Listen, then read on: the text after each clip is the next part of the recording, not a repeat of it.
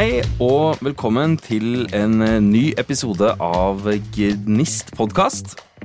I dag så har vi med oss et eh, stort talent og en up and coming eh, artist og låtskriver fra Hallingdal. Sier selv at det har et musikalsk uttrykk som er stort, men samtidig minimalistisk og melankolsk reflekteres hjemstedet og en oppvekst preget av naturopplevelser og det å vokse opp på et lite sted. Så her, Geir Ove, her er det mange ting å kjenne seg igjen i. Kanskje hvis du tar bort alle de naturopplevelsene. jeg er oppvokst på kafé, men jeg vet ikke med deg.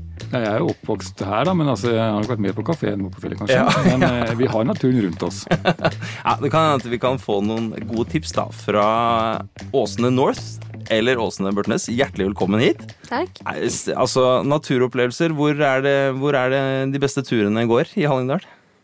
Oi, det kommer helt an på om det er på sommerstid eller vinterstid eller noe sånt. Men, eh, men jeg tror nok at eh, toppturer på randonee i Hemsedal på vinteren er, er en favoritt, ja.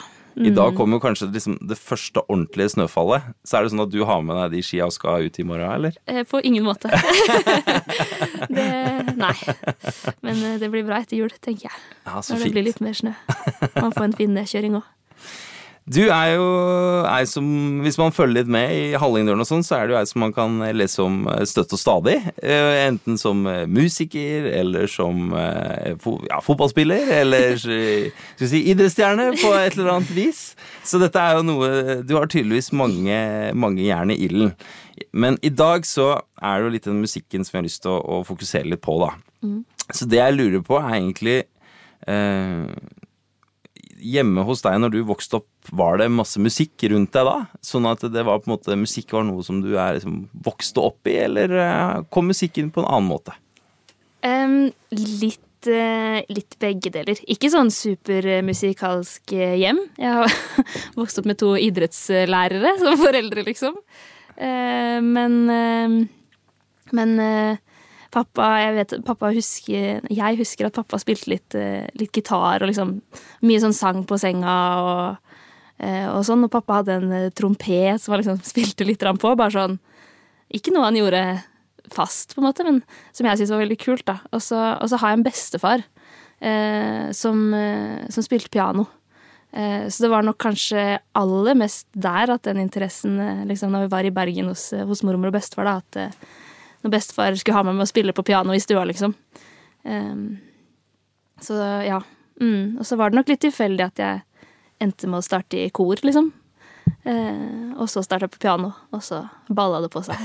men, men, ikke sånn veldig musikalsk hjem. På ingen måte. Hva slags musikk kan du liksom huske at dere liksom hørte på når du vokste opp? Veldig mye forskjellig. Pappa er veldig sånn jazzmenneske. Uh, han hørte masse på jazz. Uh, Mamma er mer litt på sånn eh, Hørte en del på sånn madrugada og, og sånn. Så eh, veldig sånn musikkinteressert, hvis du kan kalle det det. Eh, men, og veldig, veldig, mye rom for å gjøre det man selv eh, fant en vei inn i, da. Eh, og så Naboen eh, gikk på, på lausdans på Torpo. så ble jeg med der, og så hadde jeg en venninne som drev med kveing der, og så eh, fanga det litt sånn interessa mi, da. Så, så, det er nok kanskje mer gjennom, eh, gjennom eh, ja, besteforeldre og venner enn akkurat hjemme. Åssen er det man eh, skaper et hjem hvor man legger til rette for dette? Både jeg og Geir Ove har jo små, eh, små jenter og gutter som vi har lyst til skal bli like kule som deg. ikke sant? Så hva, hva, tror du er viktig for å være med å liksom legge til rette for at man skal finne sin egen vei der? Um, Ai, det er kanskje ikke, noe, kanskje ikke noe gode svar på det, men, men hjemme det har jo vært veldig, veldig opptatt av at vi skal være i aktivitet og sånn, men, men, at man skal finne sin egen greie. Eh, at vi, ikke, vi har ikke blitt tvunget til å gjøre, eh, gjøre én greie. Jeg har fått liksom utforske og hatt, hatt spillerom til å prøve mange forskjellige ting da, eh, opp igjennom. som også har gjort at jeg har drevet med det meste som tilbys på Gol. på en måte. Før man finner sine ting. ja. Og at de liksom har backa det uansett. Eh, så lenge man har vært interessert, da. Men hvor mange sånne type musikkting er du vært innom? Du sa du kveing. Um, ja, nei, jeg gikk jo på lausdans, da. Ja. Uh, og det var jo jeg og gutta, men så hadde ja. jentene kvea. okay, okay, ja. ja, ja. Eh, og så på slutten så dansa vi sammen. Og da var jeg alltid, måtte jeg danse gutt. Siden jeg var lausgutt, da. eh, og da var det litt sånn allsang. Og jeg gikk på sånn leikaring hvor vi sang en del sånn ja, folkemusikkgreier. Mm. Eh, og så begynte jeg i Gol Maximini gospelkor. Det var min første koropplevelse. Eh, gikk videre til Tapas barnekor. Eh, Tapas ungdomskor. Eh, sangundervisning. piano. musikal. det er vel stort sett det jeg på en måte har gått på. Men så hadde jeg, hadde jeg Audun som lærer en stund på ganske lenge. Og han var veldig på liksom, å lære å kompe seg sjæl, så jeg hadde liksom lært en del piano av bestefar. Og jeg gikk jo på piano i ett år. To mm. år. Ja. Og så lærte meg litt gitar litt sånn fra YouTube og sånn, og så var sånn Ja, men skal vi ikke bare kombinere litt? Så jeg gikk sånn sang, piano, gitar-time sånn kombinert. Så. Da er det greit å ha Audun som lærer. Som ja, veldig kjekt. Som mestrer alt. Mm. Så ja da, vært innom mye sånn, og vært innom det meste av idrett. Så det, yes. Åssen tid til alt det her? For det er et godt spørsmål. Ja. Jeg er ikke helt sikker selv. Nei. Men uh, hvis, man, uh, hvis, man, lærer seg å strukturere hverdagen sin uh, Du må begynne med det ganske tidlig, da. Ja. Men så har jeg jo kanskje en del av disse tingene har jeg jo bare drevet med i ett år. Ja. Så ok, tredje klasse, da gikk jeg på piano, fotball, dans, ski. Da har man de fire én gang i uka på hver. Mm. Men jeg tror aldri jeg har hatt mer enn fire aktiviteter på en måte samtidig, da. Ja, og fylt opp uka da, på en måte. Ja, ja. ja. Eh, absolutt. Eh, strukturere og eh, jeg tror jeg har dratt med meg det inn i, inn i skolen, ikke minst. At eh, når jeg er på skolen, så gjør jeg det. For da har jeg tid til å gjøre andre ting når det ikke er skole lenger, ja, ja. da. Uh, så jeg tror det har handla mye om å strukturere hverdagen. Med god hjelp fra kjøreglade foreldre. ja, det trenger man oppi her. Ja, absolutt. Ja. Mm, kan du, kan du, huske første gang hvor du på en måte fant eh, din musikk? For nå har du jo fortalt om et hjem med, som du sier, det er jo jazz og madrugada. Det er jo tydeligvis musikkinteresserte folk, dette her, da. Det er jo ikke noe sånn ja. derre eh, liksom eh, topp 100-hits nødvendigvis. Men eh, kan du liksom huske det? Første gang du fant noe som var liksom Ja, som var din musikk? Mm, jeg fikk jo prøve å synge veldig mye forskjellig eh, gjennom særlig liksom, sangundervisning med, med Arild og Gunhild, da. Eh, og Nei, Audun og Gunhild. Eh, men eh, Og da får man jo en smakebit på veldig mye forskjellig. Eh, og så fant jeg min stil av det jeg på en måte likte best å synge selv. Og så har det blitt litt det jeg har likt å høre på også, eh, egentlig. Så jeg hører jo på mye sånn rolig pop, men Og det har jeg gjort siden kanskje sånn sjette-sjuende klasse, når jeg begynte å liksom Ja, det er musikk jeg liker å sette meg ned og høre på. Men jeg kan høre på veldig mye forskjellig også. Det kommer litt an på hva jeg skal. Eh, hører ikke på, på, så mye grinemusikk når jeg kjører bil, for eksempel. Eller eh, eh, hvis jeg er Jeg har veldig forskjellig musikksmak fra sommer og vinter og sånn òg. Så ja, jeg vet ikke helt hva som er min, min musikk, egentlig. Men eh, kan du huske som, hva som var den første artisten, eller eh, Du måtte huske at du liksom var fan, er det som inspirerte deg?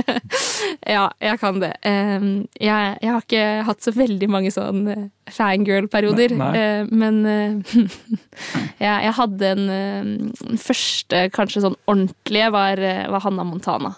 Ja. Men særlig da hun gikk over til å være Miley Cyrus. Gamle Miley Cyrus. Det syns jeg var skikkelig skikkelig, skikkelig kult. Men Fant du sånn. det via Disney, eller var det liksom um, Eller var det etter det? Jo, det var nok Vi hadde ikke Disney Channel hjemme. Nei, nei. Det så jeg på bare hos venner. Så ja. jeg var veldig glad i å være med hjem til venner etter skoletid. så jeg kunne få se på Disney Channel. Ja. Men, eh, men, ja, nok litt gjennom det. Men jeg husker da det var eh, platebutikk nede på Krømartinet. Eh, og da kjøpte jeg min første Miley Cyrus-CD. Det det var ditt første idol? Det var nok mitt første idol. Og så ja. har jeg også hatt en periode, og det glei nok litt inn i hverandre, eh, med Demi Lovato. Eh, og den holdt jeg nok på litt lenger. Eh, ja. Mm. Og så hadde jeg jo som alle andre jenter en One Direction-periode. Men den gikk ganske fort over. Ja. Det er vel kanskje de. Sånn i senere tid så syns jeg Taylor Swift, den nye til Taylor Swift, er eh, Det vel- helt siste, eller hva? er- Ja, eller disse ja, Folklore, Evermore og Ja. Eh, de syns jeg er skikkelig, skikkelig kule album. Hva er det du liker med de? De er jo blitt veldig omstridte. Noen elsker Ja. de og sier det er det beste musikken som har kommet i popverden. Ja. Og noen syns det er visvas. Så det er Ja. ganske sånn eh, harde meningsutvekslinger der, da. Men, men Ja. veldig mange elsker jo blant annet folklore. Hva er det som treffer deg der? Eh, jeg tror at eh, Altså tekstene. Jeg syns hun er sinnssykt flink på tekst. Eh, og jeg, jeg syns tekst er en kunstform i seg selv. Og noe jeg, noe jeg tenker veldig på når jeg hører på musikk. Det er veldig viktig for meg. Og så syns jeg soundet at hun har gjort det på en måte så enkelt at man kan man kan høre på teksten, da. Det er ikke så mye som overdøver det. Og så liker jeg også samarbeidet hun har med Bon Iver. Jeg syns han også er uh, veldig flink type. Uh, så jeg tror det er de småtingene der. Uh, og at det er, det er litt annerledes enn veldig mye annet som kommer om dagen. Jeg, liker, jeg liker de som tør å ta en litt annen vei, og ikke bare følge det som nødvendigvis er skrevet for å selge. Ja, og, og for Taylor Swift så var det i hvert fall en annen vei med den folklore-plata i- med tanke på det hun har gjort karriere på før, da. Mm. Men eh, Nei, men det er veldig Det er gøy å høre. Det er jo noe med det med musikk. Den siste plata da har jo da fått terningkast to i VG blant annet, og terningkast seks eh, stort sett i, i eh, statene. Har du, hva er ditt uh, take der? Uh, jeg liker fortsatt uh, Evermore og Folklore bedre. Mm. Uh, det gjør jeg. Jeg syns ikke det er dårlig. Jeg kan godt høre på det albumet òg. Men jeg tror nok jeg hadde valgt de, de andre over. Du setter heller på de to andre. Ja. Ja. Eh, Ni av ti ganger så tror jeg jeg gjør det. Ja. Ja, men det, det skjønner jeg. Ja, det er gøy. Men det er gøy å høre. Det er, det er jo noe av det som er gøy med musikk òg. Nettopp at man er så utrolig Kan være så uenig på, når det kommer til det. Men du har jo øh, vært over gjennomsnittet aktiv. Det, liksom, det skjønner vi allerede, og har jo holdt på da med mange ting. Men det er ikke sikkert du har gjort valget ennå, men på et tidspunkt så måtte man kanskje velge litt rann og fordype seg en eller annen vei, eller må man ikke det? Har, Føler du fortsatt at det er eh, helt åpent? eh, mellom aktiviteter, på en måte, eller ting jeg har drevet med. Eh, så i løpet av ungdomsskolen så måtte jeg velge bort ganske mye. Eh, og egentlig hele Ja, særlig sånn fra starten av ungdomsskolen. Da begynner det liksom å, å bli litt hektiske dager, da, og eh, lengre skoledager og sånn. Eh, så jeg endte jo ganske fort med at det var musikk og, og fotball. Eh, og så har jeg dansa mye. Men jeg føler at dansen og, og musikken særlig det har glidd veldig sånn fint i hverandre. For det bygger på de samme fundamentene i musikken, på en måte. Det er bare to måter å uttrykke det på. Eh, så det ble fort de tre. Så det var ikke noe vanskelig valg, på en måte. Eh, og de tre har jeg drevet med til den dag i dag, omtrent. Eh, ut videregående så gjorde jeg alle tre fullt ut. Spilte andre div med HFK. Eh, var med på dette Altså var med Ål kulturskole til Operaen med dansinga i 2018, og dansa i en oppsetning der. Og ja, klart, jeg, jeg skrev jo ikke så mye musikk, så akkurat i den perioden så ble nok kanskje musikk det lavest prioriterte av de tre, da. Men, eh, men jeg var jo på kulturskolen helt til, eh, helt til jeg var flytta. Eh, og så reiste jeg til Hønefoss. På, på folkehøyskole, på musikklinja der. Og klart, da tok jeg jo et valg om at nå skal jeg gjøre mest musikk. Men de var veldig fine. Jeg fikk være med litt med danselinja av og til der. Fikk dyrke den hobbyen litt. Trente med Hønefoss-jentene, eller damene. Fikk spille fotball en gang i uka der. Men, men da var det helt klart musikken som gikk foran. Eh, Hva var det som gjorde det, da? Hvorfor ble det ikke eh, danselinje? Eller eh, fotball? Toppidrettslinje? Eh, fotballen nok fordi jeg gikk idrett på videregående. Eh, og så hadde jeg lyst til å gjøre noe helt annet. Dyrke en helt annen interesse. Eh, for å prøve det òg. Da hadde jeg gjort idrett i tre år. Nå vil jeg prøve musikk. Eh, om det ble musikk eller dans, var nok kanskje hakket mer tilfeldig. Eh, jeg søkte på danselinje og musikk, eh, musikkteaterlinje og musikklinje. Eh, og kom inn på alle og sto der til slutt at ja, nå må jeg ta et valg. Og da var det nok eh, mer tilfeldigheter at det var der valget falt, og ikke på en av de andre. Mm.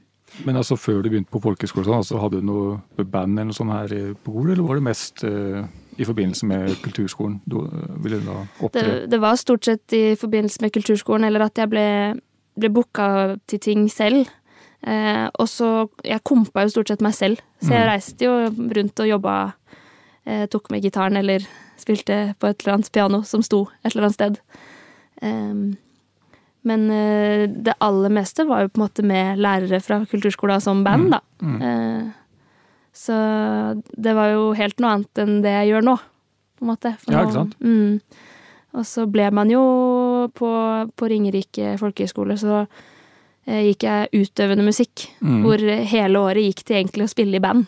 Ja, så og, Hvordan var den overgangen der, liksom, fra å styre alt selv med deg og kassegitaren eller deg og piano, og plutselig måtte du ha eh, et band? Og... Ja, det, det var en, en, overgang, og noe man må på en måte venne seg litt til, å ha et stort band i ryggen.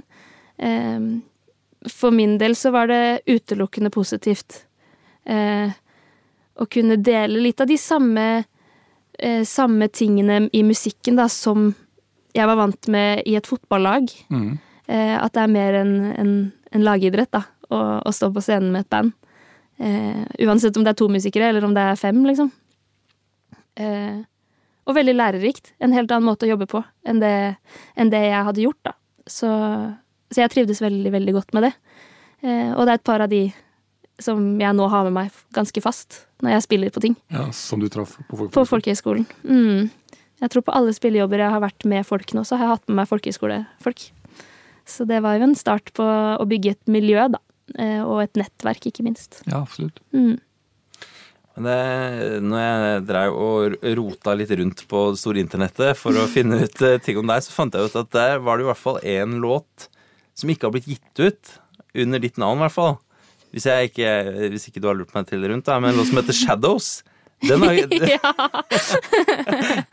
uh, ja. Som det ligger et veldig kult Det er veldig kul, men litt sånn mer sånn uh, poprock ja, kanskje til og med Taylor Swift. Swift dette låt. Jeg er veldig, veldig, spent på hvor du har funnet det. Ja, Nei, det kan jeg ikke si, men eh, Men ja. Eh, ja um, nei, Men det er ganske annerledes. Noe av det som jeg beit meg merke i, var at det, i motsetning til det som du eh, har gitt ut under eget navn, mm. som eh, i hvert fall jeg opplever som ganske sånn minimalistisk på, i, organis eller i i, kompon, ja, i, komposisjonen og sånn, så var jo det ganske sånn bløtkakeproduksjon. Det var liksom fullt på med det meste. Og det jo er jo veldig Det jo, kledde du jo veldig bra, da. Men hvorfor har ikke, hvorfor har ikke Shadows? vi venter. Vi venter, ja. Nei, den uh, Det var jo på folkehøyskolen, da, så skulle vi ha en sånn uh, stor konsert. Uh, hvor vi ble oppfordra til å, å, spille egne låter. For vi hadde en periode på folkehøyskolen hvor vi fikk hjelp til å skrive. At vi, det ble satt av tid til å skrive, da. Alle skulle skrive en låt hver. Eh, og vi hadde veldig, veldig dyktige lærere. Vi hadde blant annet han Eirik Kilsaga, ja. som er med i Karpe og skriver og produserer, og også eh, Kjetil Hallre, eh, som også er låtskriver. Eh, så jeg sånn, fader, det her, skal jeg, det her skal jeg utnytte så godt jeg kan. Jeg skal bare pøse på å skrive. Uh, så det var første gang jeg måtte måte skrev ordentlig. da. Jeg skrev litt låter her før, men ja. Så, og det var uh, jeg og ei i klassen uh, som satte oss ned en kveld. Jeg hadde liksom utkastet som var sånn Jeg aner ikke hva jeg skal gjøre med det her. Så vi satte oss ned, og så fikk vi med noen av disse musikerne i klassen etter hvert, og så var det det det ble, da. når alle fikk si sine ting. Eh, og vi satte det sammen og spilte den på, på avslutningskonserten vår. Ja, med fullt band. Eh, men eh, jeg har jo noen innspillinger av det, sånn halvdårlige demoer, eh, som jeg blant annet brukte på opptaksprøva til studiet. Så, men så fant jeg ganske fort ut at det var ikke den stilen jeg ville gå helt for, og da ville jeg heller ikke gi det ut. For da ville det blitt å gi ut én låt, og så bare skifte helt gate. Ja. Men jeg spilte på, på Ingensteds i Oslo i mars. Og da gjorde vi en nedstrippa versjon av den. Eh, med kassegitar og munnspill. Nei, er det sant? Vi klarer jeg nesten ikke å høre på meg, men, Nei, eh, men gode låter kan jo strippes ja, ned til kassegitar og munnspill. Det, den ble egentlig ganske Ja. Fornøyd med den versjonen, faktisk. Det var gøy å gjøre det på den måten. Men, så, så det er en sjanse for at han kommer? Um, det tror jeg kanskje ikke. Men uh, det er nok en jeg kan dra opp uh, live, ja. ja. Mm, og spille, spille live. Ja. Uh, for det Ja, den, den, ga en sånn I hvert fall når jeg gjorde den i den rolige versjonen. Veldig sånn koselig stemning. Sånn sitte rundt leirbålstemning. Mm. Men jeg tenker jo litt sånn Eh, du har jo da, sant, som du sier, du har, du har spilt da på ja, andredivisjon. Altså, du har jo spilt på et høyt nivå. Altså, det, er, så det er noe toppidrettsgreier her. Og åssen eh, tar du med deg det inn i, inn i musikkbransjen? Blir det noen spisse albuer på uh, vei opp uh, med litt sånn vinnerskalle? Um, helt klart en vinnerskalle. Jeg har et konkurranseinstinkt som uh, til tider kan bikke over i det usunne. Um, men jeg opplever at i, i, musikkbransjen i større grad enn enn i idretten, da, at det, det, er mer plass til alle. Fordi det er så eh, personlig hva man liker å høre på. Eh, klart det blir færre streams på alle jo flere der, men det er på en måte plass til å drive med det uansett. Eh, og i hvert fall etter å ha gått eh, den utdanningen jeg har, og møtt de folka der, så får man veldig eh, respekt, for det er så mange som jobber veldig, veldig hardt. Eh, det er det jo i idretten òg. Eh, men Så jeg, jeg unner liksom folk det. Eh, å få det til. Men, men, fra idretten så tenker jeg kanskje mer at eh, mentaliteten eh, og, og fokuset er, er, en veldig sånn stor fellesnevner. Og ikke minst treningstimene som legges ned. fordi jeg føler at å drive med musikk, særlig som artist, da, Eh, er direkte overførbart med å være toppidrettsutøver. For du eh, Ja, jeg trener ikke fotball fem ganger i uka, men jeg synger jo fem ganger i uka. Eh, å stå på scenen kan godt sammenlignes med en kamp. Du er der sammen med andre, og du skal Ja, du må jobbe sammen som et lag, da. I det bandet som du har med deg. Så er det kanskje også noe psykologisk med det i forhold til den stå-på-viljen, da. Og det, mm. eh, og på en måte, det er ganske mange nedturer før du har en opptur. Veldig. 100 eh, Og der, der, tror jeg faktisk idrettsutøvere er ganske flinkere til å komme seg opp enn en, en artister og musikere som står i startgropa. Ja, det kan nok hende. Eh, så ja, veldig mange ting jeg har tatt med meg fra idretten og inn i musikken, og, og motsatt. Åssen blir det da når man kommer fra, kommer fra Gol, og så kommer du Der har du liksom vært eh, syngedama, ikke sant? Det er du som har reist rundt med gitaren din. Og så kommer det brått veldig mange andre som òg er flinke, og som òg har vært det på, i den lille bygda de kommer fra. Åssen er det da med det vinnerinstinktet? Skal du da liksom vise hvem som eh, Nå setter jeg det veldig på spissen, men jeg tenker for mange som kommer fra en liten plass der jeg kan snakke for min egen del. Når jeg begynte på folkeskole og, og kom fra en liten plass, så er det jo i hvert fall For min del så var det, en, var, var det en ganske stor overgang. Fordi at man ofte har vært vant til at man har på en måte også fått en del muligheter, da. Men samtidig mm. her så må man kanskje begynne å, og vise at man fortjener de mulighetene man får på en annen måte, kanskje. Ja, og det er nok noe i det du sier der. Um, jeg tror at jeg var veldig heldig med overgangen min, fordi jeg kom inn i en klasse på folkehøyskole hvor det var helt sinnssykt åpent miljø, og det var så aksept for at alle var der, og jeg gikk i en klasse som hadde jevnt over veldig, veldig høyt nivå. Det var ingen som liksom dro ned nivået i klassen, så vi, vi kunne egentlig spille det vi ville. Eh, og lærere som var veldig på, på det å bygge eh, individet i en større gruppe, da, at alle fikk liksom gjøre sin greie og det var greit. Um, og de var veldig flinke. Alle fikk liksom spille like mye og sånn. Og vi var bare tolv, eh, som er luksus. Eh, og når jeg gikk videre inn i studiet, hvor folk kanskje er mer sånn de skal opp og fram, for skal, da har de bestemt seg, da skal de liksom få det til. Uh, da var det kanskje litt mer konkurranse, særlig i starten, at man vil liksom vise at du vil ha med meg i en session, da. Uh, men så blir man gode venner, da. Uh, og så, og så, backer man hverandre og spiller hverandre gode, heller enn å dra hverandre ned.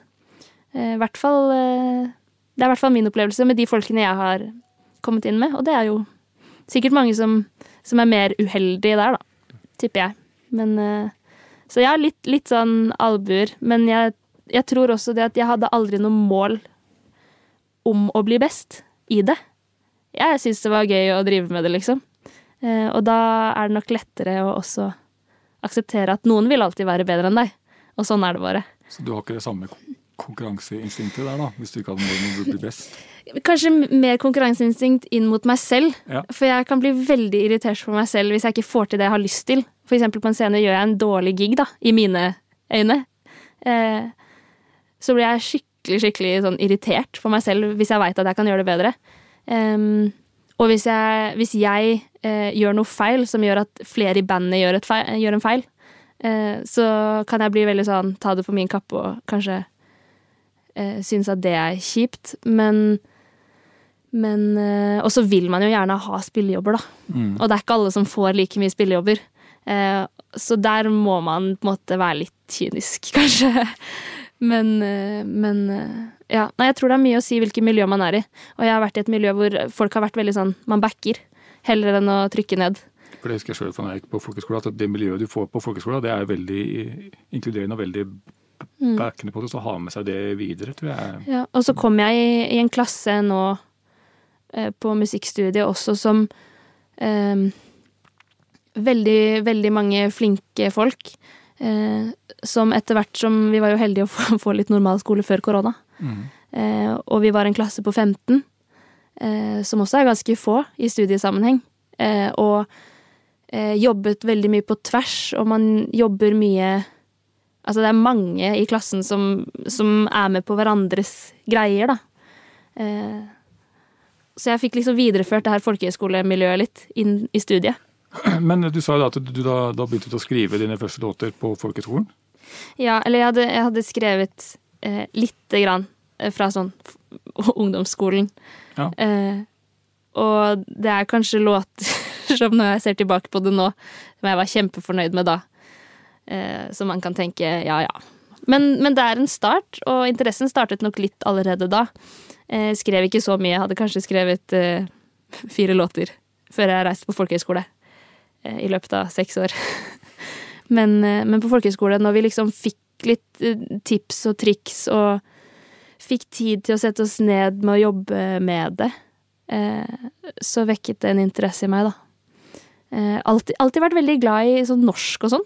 Glad i å skrive. Mm. så jeg tror nok alltid det har ligget der. Men ja. Hva var det som vekka interessen med låtskriving? Hva var det som var spennende eller interessant med det?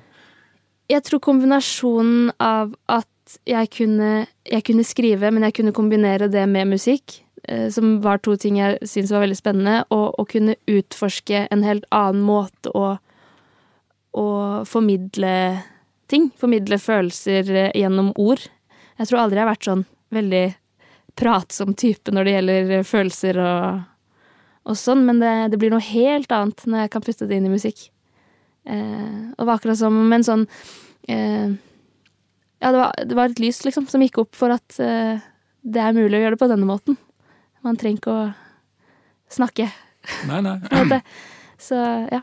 Jeg tror det er det, den formidlingsgreia som Den som tok meg. Den kombinasjonen på en måte med at, eh, med, med at du bare får den musikken til å passe med, altså med Mm. teksten, eller omvendt. da. mm. Er du en person som skriver tekst først, eller musikk? Eh, Det varierer litt. Ja. Eh, hvis jeg skriver for meg selv, så, så finner jeg først stort sett noen akkorder Ja. som jeg syns er fine. En akkordprogresjon. Eh, og så eh, kanskje jeg begynner å, å ha noen ord på blokka, eller et eller annet, og så nynne litt, og så bygges det litt sånn parallelt. Eh, når jeg jobber med produsenten min, i hvert fall når vi jobber alene, så starter vi som regel hver session med å sitte og skravle i, i en time, kanskje. Halvtime, time. Eh, om alt mulig. Om dagen, eh, siden sist vi møttes. Eh, og sånn. Veldig sånn fin samtalepartner, egentlig. Man blir jo ganske nære når man eh, skriver ting sammen. Mm, og da havner vi ofte på samme bølgelengde til slutt, og så har jeg ofte kanskje et ord, gjerne en tittel, eller noe som kan bli en tittel. Ofte så er det ikke det som ender med å være tittelen, men eh, Eller en eller annen følelse, og så bygger vi et sound først, med en akkordprogresjon. Og så mens han da, når vi har landa kanskje akkordprogresjonen, så setter vi den på loop, og han bygger på den i produksjonen. Eh, mens jeg egentlig begynner å skrive litt tekst, eller begynner å nynne. En av delene. Eh, og så eh, jobber vi det sammen til slutt. Og så blir det litt sånn eh, Jeg blir litt sånn co-producer av og til. Kan vi, ikke, kan vi, ikke, gjøre sånn i produksjonen, eller kan vi gjøre sånn? Og så kommer han med plutselig noen melodilinjer som er bare Ja, det funker. Så Da gir du ganske mye spillerom til han, da. Også i prosessen. Ja, og det er nok Jeg tror det har vært viktig Alt vi har gitt ut, da, eh, er jo jeg og han. Og så har vi hatt med andre i tillegg på sessions. Eh, men eh, alltid jeg og han. Og, og, det har liksom blitt en, en ting, nesten som en sånn duoband, liksom. At uh, den måten å jobbe på funker for oss. Uh, og så vet jeg at mange jobber på veldig mye forskjellige måter. Uh, så jeg tror det handler om å finne sin ting. og det, altså jeg, i hvert fall nå, da. Det kan jo hende endrer seg. Men jeg kunne ikke tenke meg å gi ut noe uten han med på det nå. fordi det på en måte har blitt vårt sound. Så Åsne North er kanskje ikke bare meg, men det er jeg og Gabriel, på en måte. Mm. Kult. Ja. Så Ja. Det er, og det er veldig kult å kunne stå sammen om noe. Mm. mm. Jeg tenkte på det du sa om, om med tekst eller um, musikk først, så er det For min del så har det så mye å si uh, om jeg jobber digitalt eller analogt. Mm. Hvis jeg sitter uh, ved et piano, så kan jeg fint finne eh, sånn Å ja, det var, det var en fin akkordprogresjon. Mm. Men så fort jeg sitter uh, på en måte og jobber i Logic eller Arturia eller altså i mm. en eller annen software, mm. så tar jeg en akkord, og så tre timer senere så er jeg ferdig å skru på den ene akkorden. og så blir det aldri noe låt. Det bare blir sånn én veldig fin akkord, og så bare sånn Nei, nå orker jeg ikke mer.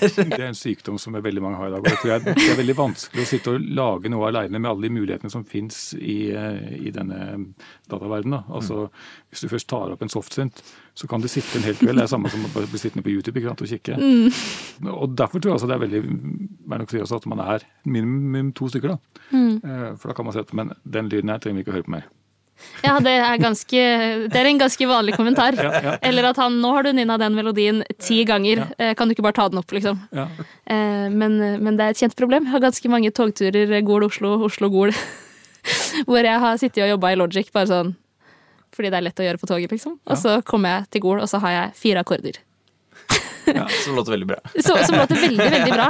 Eh, og gjerne bygd på også, med masse greier, men ingenting annet.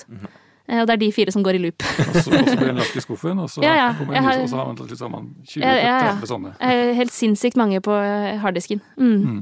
Ja, som sikkert aldri kommer til å bli brukt på noe som helst. Men da, jeg, det er viktig, for jeg har det samme sjøl, at det ligger bare masse skisser. ikke sant? Mm. Men det er viktig å ta seg tid til å gå gjennom dem igjen. da. For plutselig så er det et eller annet der som kan, den kan sette sammen med den. Og... Jeg gjorde faktisk det da jeg jobbet med bachelorprosjektet mitt i våres.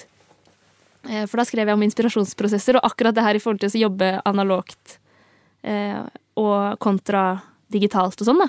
Eh, og da skrev jeg om, eh, om eh, Eller vi skulle levere 25 minutter med musikk, og så en skriftlig oppgave som skulle forsvare musikken, eller inn mot den eh, oppgaven man hadde valgt, da. og da fant jeg Jeg leverte syv låter, vel skrevet Jeg valgte forskjellige settinger å skrive de Så jeg hadde liksom én låt jeg skrev, tok med meg gitaren eh, ut i skogen. Og mobilen med lydopptak, liksom. Og så spilte jeg det jo inn seinere. Men eh, til alt fra det til studiosessions, til å skrive på toget, og til å skrive eh, bare digitalt. Eh, og bare, ikke sant. Eh, og se på, se på forskjellene og hvordan musikken ble, da. Det er altså så interessant. Hva fant du ut da? Eh, da fant jeg ut ganske mye. Men for min del Nå var det jo forskning inn mot eh, eh, eget kunstnerisk eh, virke. Så jeg forsket jo på meg selv, eh, da spesielt som låtskriver. Eh, og det jeg fant ut, er at når jeg jobber, så har ikke setting Eller ja, miljø har ikke så mye å si. folka jeg jobber med, er det viktigste. Ja, nettopp. fordi og så er det også litt forskjellig. Skal jeg skrive tekster og låter for mitt eget artistprosjekt, så er folka mye mer viktig enn om jeg skriver på bestilling for andre. Eh, fordi det ofte er litt sånn Det er jo ofte litt nært, det man skriver om, og det handler om å være litt trygg på de man skal jobbe med. Eh, jeg tror det er derfor, sånn som jeg og Gabriel, som også så ender med å, å skravle og bare snakke i starten av hver session. Jeg tror det er veldig verdifullt. Eh, og så ser jeg jo også at eh, en, en session jeg hadde kjørt her hjemme med utsikt mot fjella, eh, i, da blir jeg mer kreativ enn om jeg sitter i et studio i en kjeller i Oslo.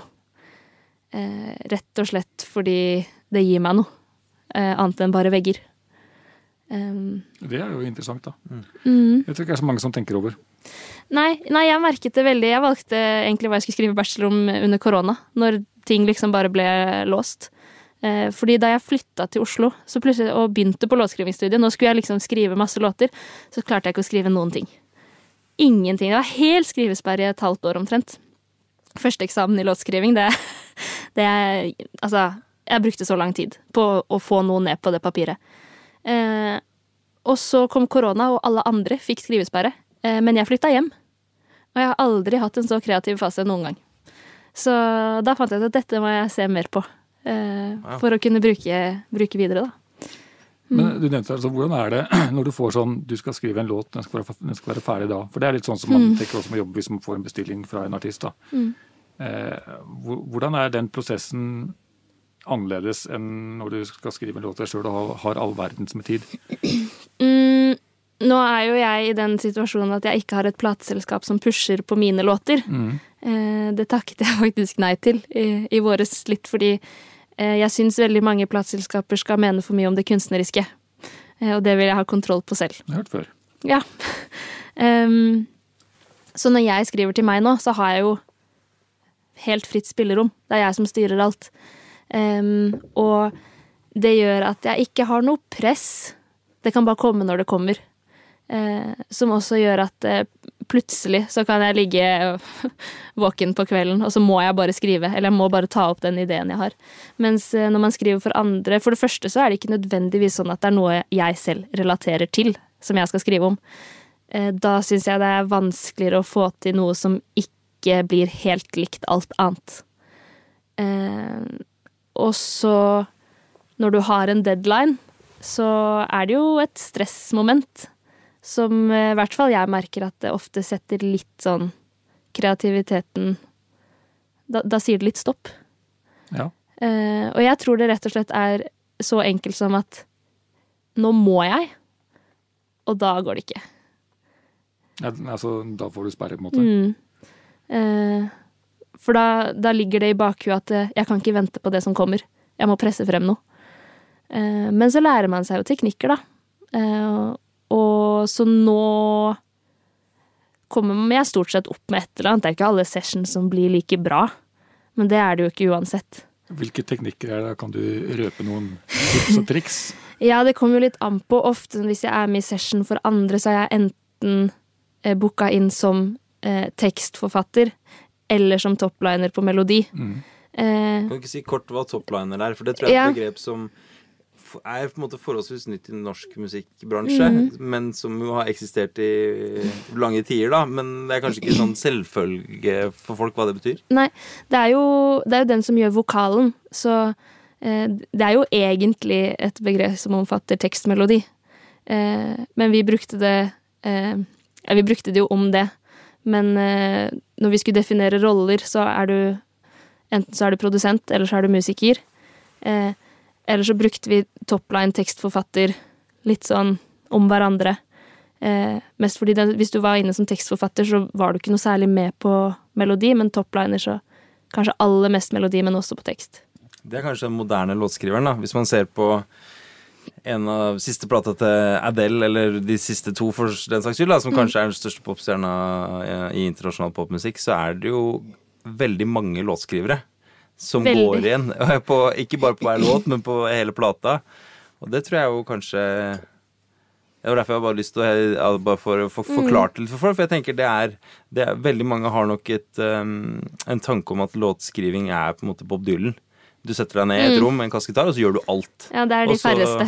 Det, og det er jo ikke sånn eh, Det er i hvert fall ikke så mange som nei. holder på sånn lenger. Nå kan man jo fort se at det blir sluppet en singel, og så står det syv navn. Vi har vel egentlig bare arva det fra hiphopen, tror jeg. Ja. Der var det jo det jeg tror de som styrte det, for de hadde jo sitt entourage, måte, som var inne og Ja. en, en som hadde en setning her og en setning der. på en måte. Ja, og jeg tror jo Sånn som når vi, når vi jobbet med, med prosjekter på skolen, så fikk vi stort sett styre gruppene selv. Eh, og eh, sånn min preferanse er, er to til fire. Eh, minimum er en produsent og en topliner, da. Eh, også gjerne Jeg liker også å ha Fordi jeg liker å bruke akustiske elementer i musikken min, så liker jeg å ha med en musiker, gjerne gitarist. Eh, så en gitarist, meg og produsent, eh, er vel kanskje det aller beste for min del. Skal jeg ha med en til, så må det være en å, å spille på, på topline, da. Man bør kanskje ikke være for mange i starten, på en måte. Nei, jeg er ikke noe fan av det. Det var jo en del eh, Når vi hadde prosjektuker, så var det ofte at vi ble ganske store grupper, fordi det ofte er sånn man jobber eh, hvis man blir, blir booka inn til en session, da. Eh, og da, da syns jeg det er vanskelig å være kreativ, for det er så mange meninger at å koke det ned til til en start, liksom. Det er ofte vanskelig, så jeg brukte veldig lang tid på å komme i gang. Veldig ofte. Eh, Men det er jo en treningssak, og så blir man bedre på det òg. Men eh, ja, nei, jeg liker å være ja, to, tre, kanskje. Og ofte da så har jeg jo med Hvis jeg skal skrive for meg, så har jeg med en idé til et eller annet. Noe tekst. En melodilinje, en akkordprogresjon, et eller annet å starte med. Eller et sound. En følelse. Eh, Og allerede der har man jo noe å starte på. Absolutt. Og det er jo Mm. kanskje også noe som kjennetegner låtskriving i dag. At den, man ofte kan som du sier, at det kan starte med en følelse eller med et, et sound. altså Det, det trenger ikke være et instrument, men at det er en sånn type sound. og Så koker du sammen det, og så Mm. bygger du videre på det. Det er jo kanskje helt i andre enden av hvordan Bob Dylan skrev en låt. Ja, ja. Eller Leonard Cohen, liksom. Mm. Ja, klart. Jeg synes det, De gangene som jeg har undervist i låtskriving, så syns jeg ofte man snakka Man kom i den derre eh, konflikten, eller i hvert fall det skjæringspunktet der, da, som du er litt innom mellom det her å skulle levere noe til en tidsfrist, og det her at man skulle på en måte la det komme på et eller annet vis, da. Så jeg, og jeg syns eh, det var en sånn herre ja, Stort sett, da, når jeg har undervist folk i det, så er det jo eh, mennesker som har hatt tid til å vente, da. Ja. Og så har de kanskje blitt veldig interessert i låtskriving og tenker at dette er noe de, de har lyst til å drive med. Og da er jeg sånn opptatt av å fortelle på en måte at det er noe, at det er noe annet. Eh, og jeg har på en måte delt det inn, da, men det er ikke sikkert at, det, at man er enig i det. Men jeg lener meg litt på eh, ja, kanskje en av de på en måte mest kjente forfatterne innenfor låtskriving, Pat Patterson, som underviser låtskriving på Berkeley. Og han, i hvert fall langt på vei, er med på å skissere opp eh, på en måte romantikeren på den ene sida, og på en måte litt sånn industriarbeideren på den andre. Altså håndverkeren, egentlig, da. Og at eh, fallgruven er jo at eh, arbeideren bare sender ut nok en låt som man har hørt 400 ganger før. ikke sant? Denne i dag, bare. Mens romantikeren blir aldri ferdig. Fordi at man sitter og skal ikke sant? Det må være fullmåne, man må ha rødvin, må, man må sitte på toppen av hallingskarvet. Og Ja. da skriver man den hiten man eh, Men, men eh, jeg, eller som jo ikke er noe på en måte noe rakettforskning, det, men, men det er vel sånn som du er inne på, da, at, at det er et eller annet i skjæringspunktet her. Men ved å være en god arbeider som har mange, mye verktøy i verktøybeltet sitt, da, så kan man kanskje hjelpe den, den litt håpløse romantikeren med å få gjort litt mer. Ja. Iallfall ikke vente like lenge hver eneste gang på for å komme til den ideen, da, er min Ja. teori. Ja, og jeg tror, jeg tror det er litt tilbake til de teknikkene man lærer seg etter hvert, at eh, i hvert fall når jeg, jeg skriver låter nå, også egentlig for meg selv, så føler jeg ikke jeg har tid til å bare sitte og vente på at eh, det plutselig skal dukke opp en låt i toppen, liksom. Um, men da har man noen teknikker ut ifra hvordan hente inspirasjon, Uh, tømme, tømme huet med ord i løpet av et minutt, liksom. Bare skrive, skrive, skrive. Første du tenker på. Ofte med sånne teknikker så dukker det opp et eller annet som, som kan uh, uh, gi en liten dytt i en eller annen retning for å skrive noe videre.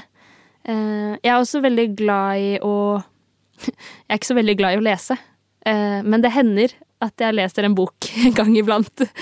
Eh, og da Det gjorde jeg også til bachelorprosjektet mitt, at jeg leste en bok som var Jeg, jeg likte måten forfatteren hadde skrevet på, og brukt virkemidlene der, så jeg tok med de virkemidlene inn i låtskrivingen.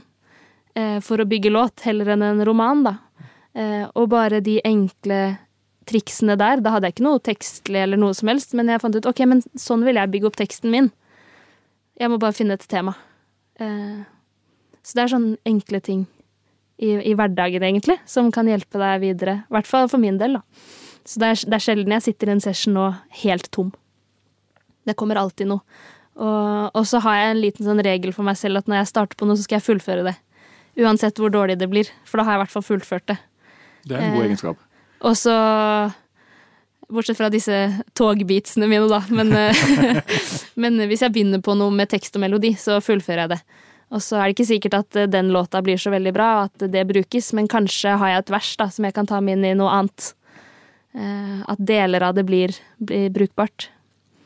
Eh, Også tilbake til å se, se gjennom gamle ting. Se gjennom. Så bruker sånne små elementer fra mye som ligger i en skuff, på en måte. Mm.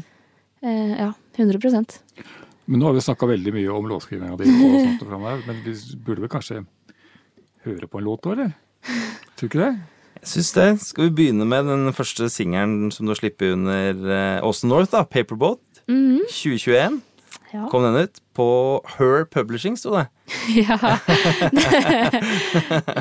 ja, nei, det er jo jeg og produsenten min da, som skulle slippe alt independent, så da må man lage sitt eget uh, uh, selskap, på en måte. Eller ja, et eget navn å publisere under, og da fant vi ut at uh, siden EP-en skulle hete Her, som også tittellåta heter, um, som handler om Egentlig fordi tekstene i låta eh, oppsummerer meg eh, som henne. Eh, så fant vi ut at eh, hvorfor ikke leke med det, da? I et navn. Og så har det bare blitt det. Eh, ja. Kan du si noe om eh, låta, eller før vi spiller den? Hva... Eh, ja, den, den handler jo om et forhold i overført betydning med en papirbåt. Eh, om hvor sterkt det kan, et, et forhold kan være, da, uansett om det er vennskap eller eh, kjærlighet eller eh, familiært. Altså hva som helst, hva man, hva man kan relatere til.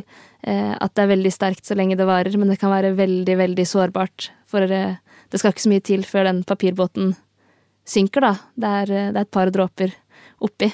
Fra den går fra å flyte kjempelett til å, til å drukne. Mm. Hvordan ble den låten her skrevet? Um, satt sammen? eh, nei, det, det var en session med sånn mange, da. Jeg tror vi Ja. er seks låtskrivere på den. Eller ja, to produsenter og en gitarist og noen låtskrivere. Eh, som møttes eh, egentlig til en eksamensoppgavesession. Um, og så begynte vi ut fra Paperboat som tittel, og liksom den betydningen, overført betydning. Og så begynte vi bare å, å skrive. Og så det, det var en litt sånn låt som bare ble til. eh, Som, som gikk veldig, veldig lett og fort å skrive. Eh, og så har jo jeg og, og Gabriel, da, eh, jobbet videre med den. Altså, den ble lagt opp eh, en heltone, og det ble lagt helt nye koringer og litt sånn, så den er jo ganske endra. Litt ny instrumentalisering og Men er det noen Sånn. elementer med fra den eksamens... Eh, ja, gitarriffet Ja. eh, er helt likt. Em, og teksten er nesten lik, og, men melodien er vel Altså, lead-vokalen er lik. Så ganske mye likt, men uh, også ganske mye endra.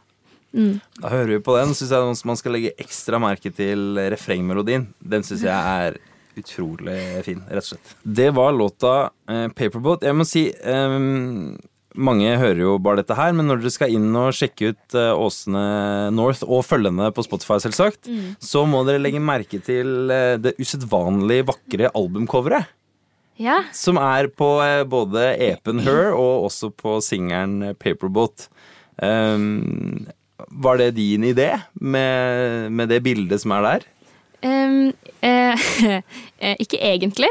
Eller eh, jeg og, og Gabriel, produsenten min, vi var veldig enige med at vi har lyst på, på artwork og ikke et bilde til eh, dette. Eh, og så har jeg en, eh, en jeg har jobbet med Jeg jobber på leirer for Blindeforbundet. Eh, og en jeg har jobbet med der, eh, som driver med grafisk design og, og tegning, maling, er kunstner, liksom. Eh, som eh, jeg tenkte fader, nå skal jeg, nå skal jeg høre om dette er noe hun har lyst til å, å være med på. Eh, og hun takket eh, ja, kult prosjekt, eh, sendte over musikken eh, og ga henne egentlig ganske frie rammer til å, å lage noe, men vi ville ha maling, da, og at Ja. Og så fikk jeg tilsendt fem forskjellige skisser som vi kunne Bare sånn blyanttegningsskisser som vi kunne velge mellom. Eh, og så jeg og Gabriel sammen, vi endte på den, da, fordi der har du flere elementer fra hele albumet. Både med altså en jente og, som holder en papirbåt, og eh, vann inni Altså at du drukner litt, da. Eh, inni denne dykkerdraktbolletingen. Eh, og så sendte hun over eh, litt forskjellige skisser med farger. Og så fikk vi velge farger. Så, så hele prosessen Vi ga henne frie kunstneriske rammer i starten, og så har vi vært med å velge mellom det hun har kommet med, da. Utrolig vakkert, hva må jeg si. Det Ja, var hun er sånn- kjempeflink. Ja, det så en liten shout der. Hvis, Mm. eh, Sofia. Sofia. Ja, Sofia, ja. Veldig Jeg tror til og med det, du har vært flink og kreditert henne der, så det går an å finne Ja, jeg, hele jeg tror eh, Jeg syns det er viktig å Ja, få er- med, så jeg pleier å være litt obs på både bilder og, og alt som er med. At eh, ja, det skal være, være en måte for de òg, da. Å vise seg litt frem. Ja, men det er veldig fint. Eh, før vi kanskje går videre til eh, den nyeste singelen din, 'Asleep', så har jeg egentlig bare lyst til å høre litt mer om eh, Du sa at det ble på en måte tent en gnist eller lyset gikk på, på folkehøgskolen hvor du fant ut at det var låtskriving. Det var ikke bare musikk, men det var, det var låtskriving. Og eh, inntil forholdsvis nylig i Norge så har det jo egentlig ikke vært noe steder man kunne studere låtskriving. Man kunne jo gå en utøvende musikerlinje, men, men har jo de siste ja, fem til ti åra kommet mange, egentlig forholdsvis mange studiesteder som tilbyr eh, låtskriving. Og så endte jo du opp med å gå på det som i dag heter Høgskolen Kristiania. Ja, nå, het, nå har det faktisk ja. bytta til bare Kristiania. Nå er det bare Kristiania. Har Ja. hett Høgskolen Kristiania, har hett Westerdals, har Noroff, ja, videre, så videre. Men eh, hva var det som gjorde at du eh, valgte å eh, søke deg dit? Var, eller kanskje du søkte deg til mange andre steder òg, hoppsi, men, eh, men, men det er jo disse ulike skolene nå har jo litt ulik profil, også musikalsk. Ehm, jeg hadde jo i utgangspunktet på en måte ikke tenkt å studere musikk. Eh, jeg hadde sett litt på, på Noroff, eh, både i Bergen og Oslo. Ehm, men det ble mer litt sånn rene, rene musikkproduksjonslinjer. Eh, og ehm, så var vi veldig mange fra folkehøyskolen som snakket om Oslo. Og få med seg det miljøet inn til Oslo eh, var nok det at jeg da valgte Oslo som by i utgangspunktet. Eh, og jeg hadde, kanskje fælt å si, men et bedre inntrykk av Noroff i Bergen eh, enn Oslo. Så det slo jeg ganske fort fra meg. Eh, og så var det ene læreren jeg hadde på folkehøgskolen som begynte å nevne Westerdals. Jeg hadde egentlig ikke sett så mye på de, hadde jo hørt om de, for det var jo på en måte litt anerkjent. Ehm, og så fant jeg jo at de da hadde kombinasjon låtskriving, eh, musikkproduksjon. Eh, og musikkproduksjon er jo noe jeg ikke hadde gjort i det hele tatt, egentlig. Fikk smake bitte, bitte litt på det på folkehøyskolen, men, men så tenkte jeg det er kult, da kan jeg lære noe nytt. Eh, noe helt nytt. Eh, så da søkte jeg. Egentlig, egentlig for erfaringen å gå gjennom en eh, prosess med opptaksprøver eh, og å prøve seg. Og hvordan, Eh. eh, hvordan var opptaksprøveprosessen for, eh, for deg? Eh, nei, altså sammen med søknaden som man sendte inn, da. Det er jo en privatskole. Eh, det er ikke så veldig mange av de offentlige som tilbyr eh, låtskriving og sånn. Der er det mer de utøvende fortsatt. så sender man inn med karakterer og alt det som må med, og viser at du har generell studiekompetanse. Og sammen med det så skulle man sende inn to ting man hadde gjort. Eh, så jeg sendte inn to låter, da. To demoer som jeg hadde skrevet. Um, og om jeg ikke husker feil, så var det også der vi skulle sende med et motivasjonsbrev. Eh, og så var det liksom eh, om man kom videre eller ikke, da. Så kom jeg videre til, til andre runden, som var, var todelt. Og den første delen var eh, at vi fikk fem oppgaver. Eh, og så skulle vi velge to av de. Jeg tror vi hadde en uke eller ti dager på, på å levere, da. på bestilling. Men da fikk vi velge, og det var veldig mye forskjellig. Det var alt fra å, å skrive ut ifra noe, noe, tekstlig vi skulle ta utgangspunkt i, til å, til å lage noe eh, musikk til et, en filmsnutt. Eh, så det var ting som passet både eh, produsenter og låtskrivere der. Eh, og så skulle vi levere det innen fristen. og del to var, eh, var fysisk på, på, skolen med intervju og en liten sånn teori-gehørbit, da. Mm. Og så var det om man kom inn eller ikke. Mm. Så det var jo en prosess. Veldig lærerikt. Eh, og så kom jeg inn. Eh, og det var ikke helt, helt forventa. Eh, så jeg hadde på en måte ikke tenkt at de tre neste årene skulle gå på låtskriverskole. Men eh, jeg klarte ikke å takke nei, da, når man fikk muligheten. Eh, veldig glad for det valget. Mm.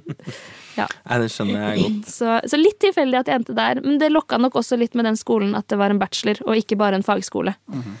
At jeg ville få en litt tryggere akademisk bakgrunn, også med tanke på om man skal ta pedagogikk og eh, bli lærer, for eksempel. Eh, som ville vært vanskeligere å få den pedagogikken med fagskole, fordi da har du faktisk ikke kompetanse til å få lov til å ta det. Mm. Eh, så det også var nok eh, en av grunnene til at jeg valgte akkurat der, da. Og så var det jo mye flinke forelesere som eh, lokker. Ja, selvsagt. Det er mm. absolutt.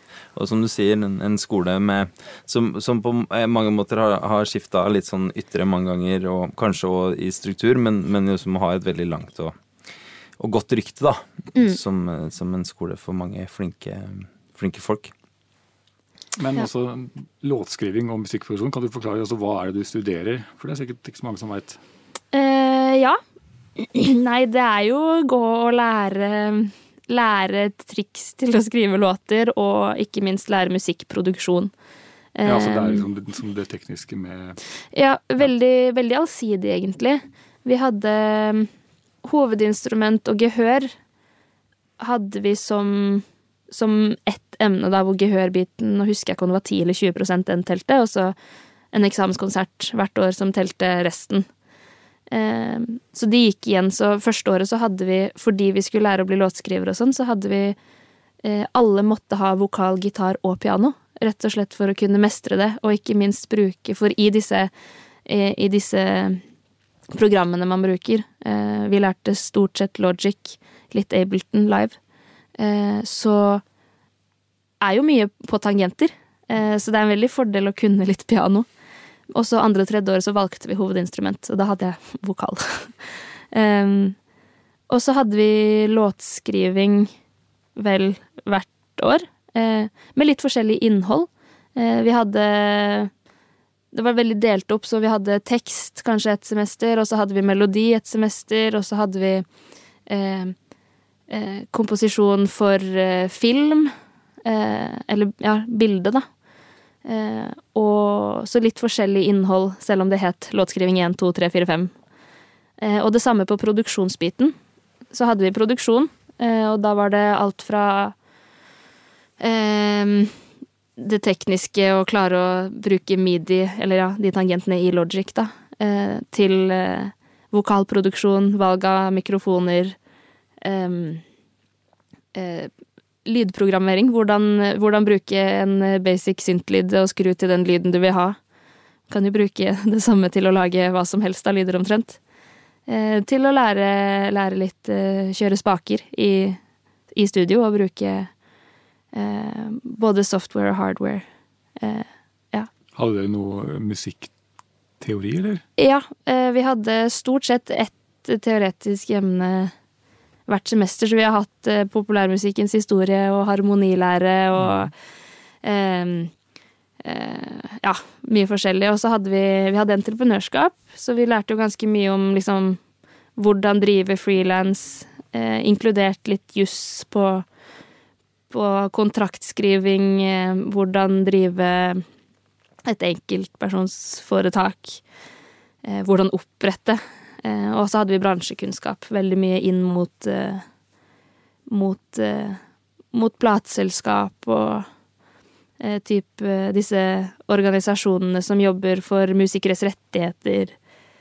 Ja, veldig, veldig allsidig. Ja, det må jeg si. Det du lærer jo veldig mye av det du trenger for å Mm, ja. Det er veldig sånn utdanning som er bygd opp for å for å gjøre deg klar for bransjen på alle mulige måter, eh, egentlig. Så jeg føler jo jeg har kunnskap til å på en eller annen måte gå inn i de fleste roller. Eh, om det er det jeg vil. Ja, ikke sant? Mm. Så jeg syns de var flinke på det, egentlig. Og så går man jo kanskje litt for fasilitetene man, man får òg. Kanskje vel så mye som det faglige, men de utfyller jo hverandre, da. Det gjør du også, er jo det som sier at du går tre år på en sånn skole hvor du har de fasilitetene som du egentlig eh, altså kan bruke som du vil. Det er bare Mm. å booke seg tid, og så Mm. sitter man der kanskje mer på natta enn på dagtid. Ja, i hvert fall eh, Jeg er litt sånn, er litt sånn morgenmenneske. Mm. Litt sånn atypisk ja. musiker, egentlig. Ja. Så jeg booka gjerne studio klokka åtte på morgenen. Åtte til tolv, kanskje. Så satt jeg da. Så. Men eh, Og gjerne Ja, gjerne åtte til tolv på kvelden òg, kanskje. Ja. Ikke samme dag, men, eh, men ja. Det, på dagtid så er det mindre aktivitet. Mm, det er faktisk det. Nå er det jo Du vant jo Hallingdal Musikkforum sin pris, som jo Mm. er uh, veldig gjeveste man kan vinne oppi her, i hvert fall. Mm. Uh, hva skal de pengene gå til? Uh, nei, de pengene er allerede brukt på, på studiomikk. Mm. Ikke sant. Så det ble en mikrofon. Ja. Da har du noe, et håndfast bevis da, på den prisen. Det har jeg faktisk. Mm. Ja, også, den Det var jo ikke alt Den var jo litt billigere. Mm. Og så eh, brukte jeg eh, resten eh, på, på liksom plugins, da, til, til Logic.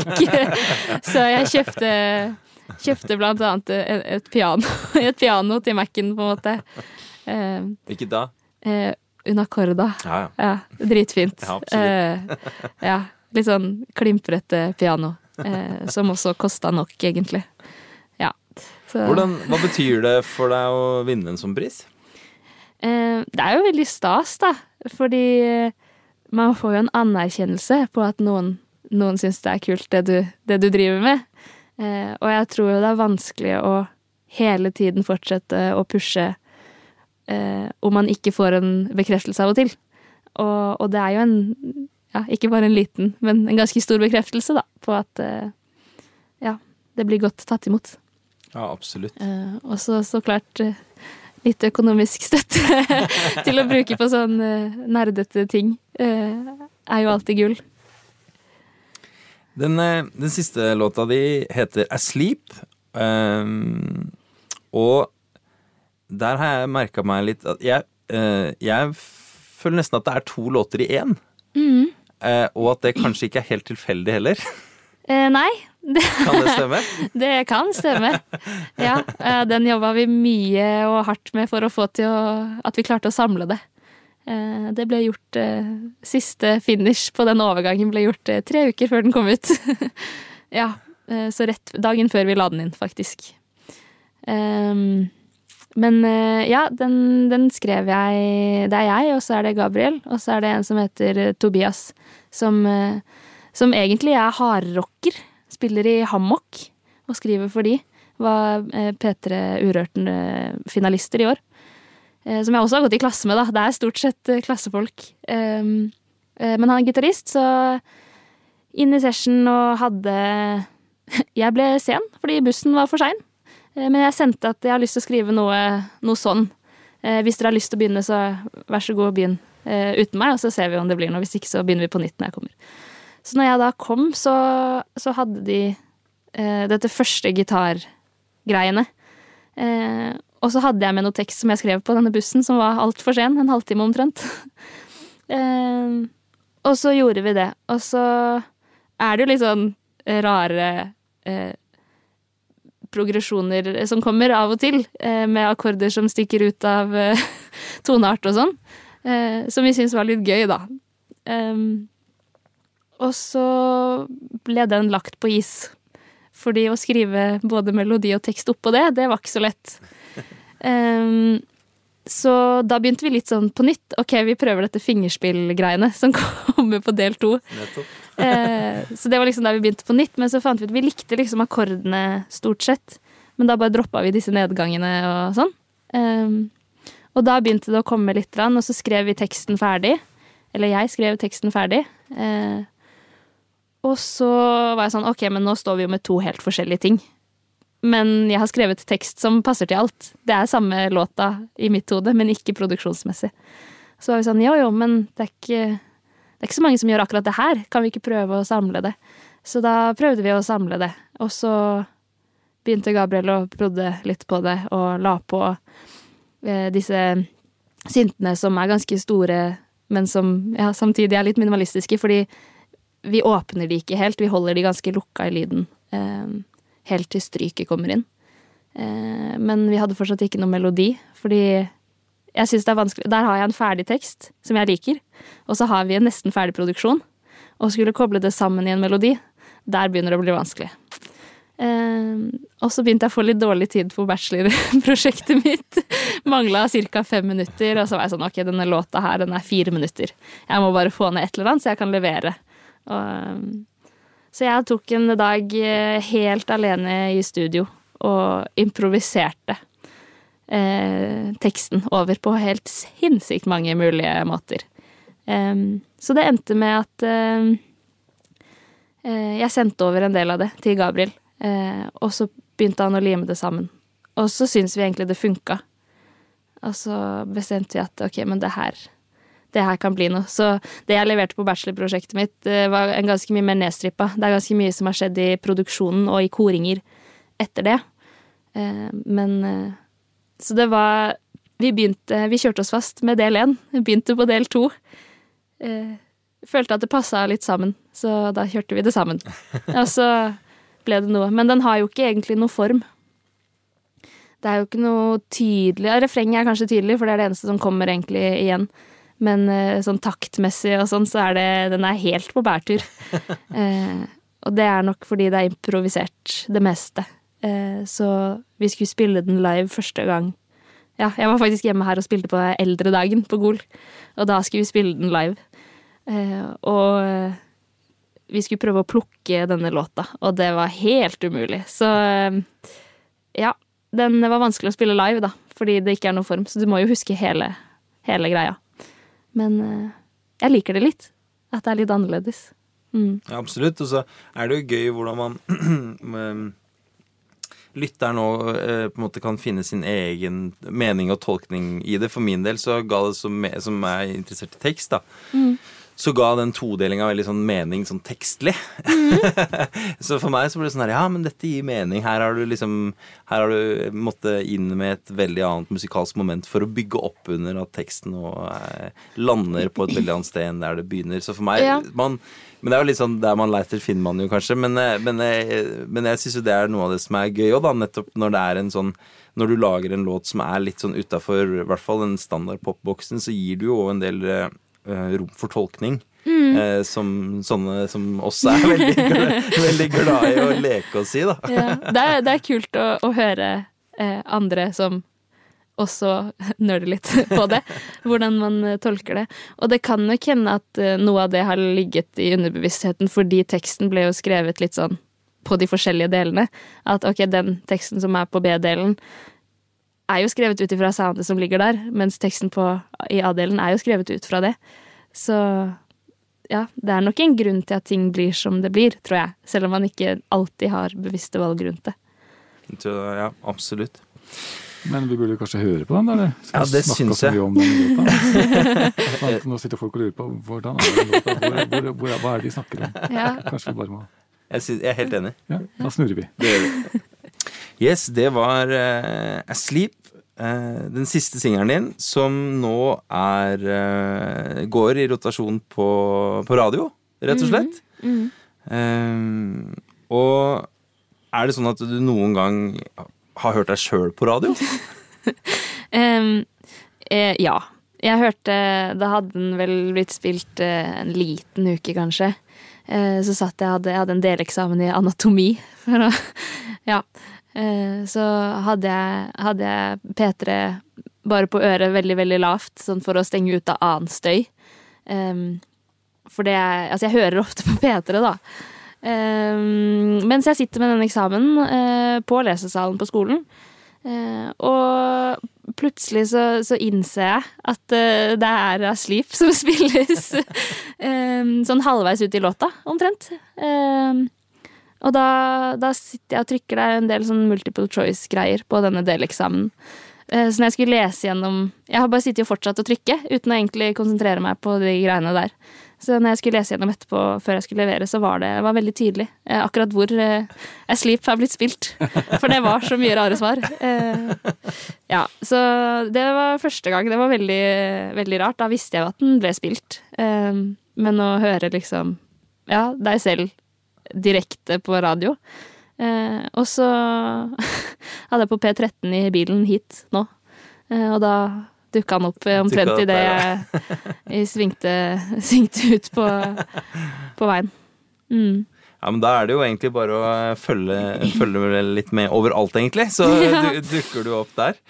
Men eh, nå har du jo da sluppet deg Sleep eh, forholdsvis eh, nylig. Er det, hva er veien videre nå? Eh, nei, nå har jeg hatt litt sånn skrivepause, egentlig. Eh, etter å ha jobba med bachelorprosjekt og skrevet mye og sånn. Så nå har vi egentlig bare forrige uke begynt å, å skrive litt igjen. Eh, Idémyldre litt, prøve å komme en vei med noe.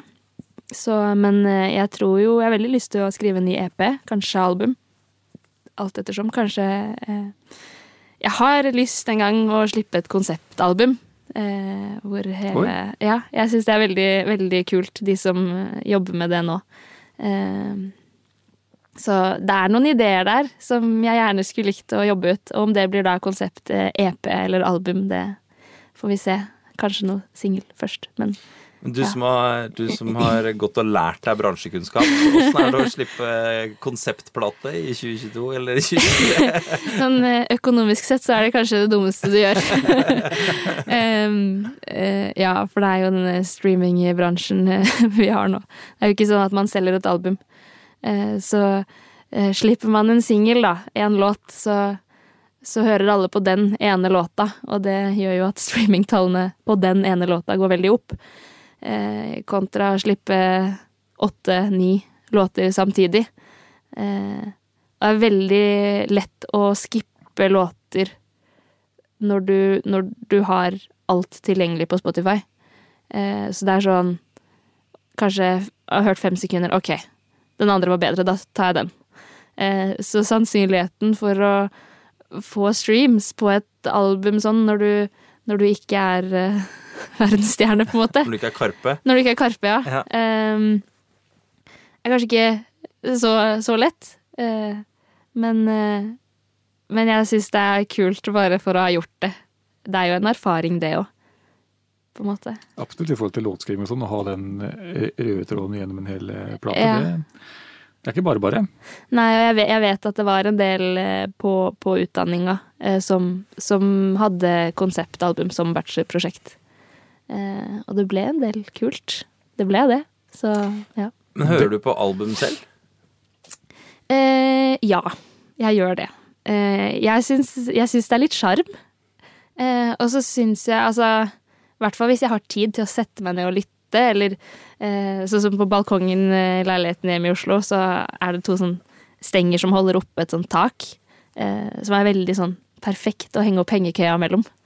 Eh, så litt sånn sene sommerkvelder eh, å legge seg i hengekøya og sette på et eh, album i noe gode headset, det er Da koser jeg meg. For lytte For det å faktisk lytte, da. Men det er sjelden jeg hører på album hvis jeg har musikk på øret fra A til B. Fordi jeg, jeg må kunne lytte når jeg hører på det. Så det blir mer radio når jeg skal Men lytter du, eller da hører du på musikk annerledes etter at du på en måte har blitt utdanna låtskriver? 100% Er det bra, eller er det fint, eller er det slitsomt? eh, Det kan være begge deler.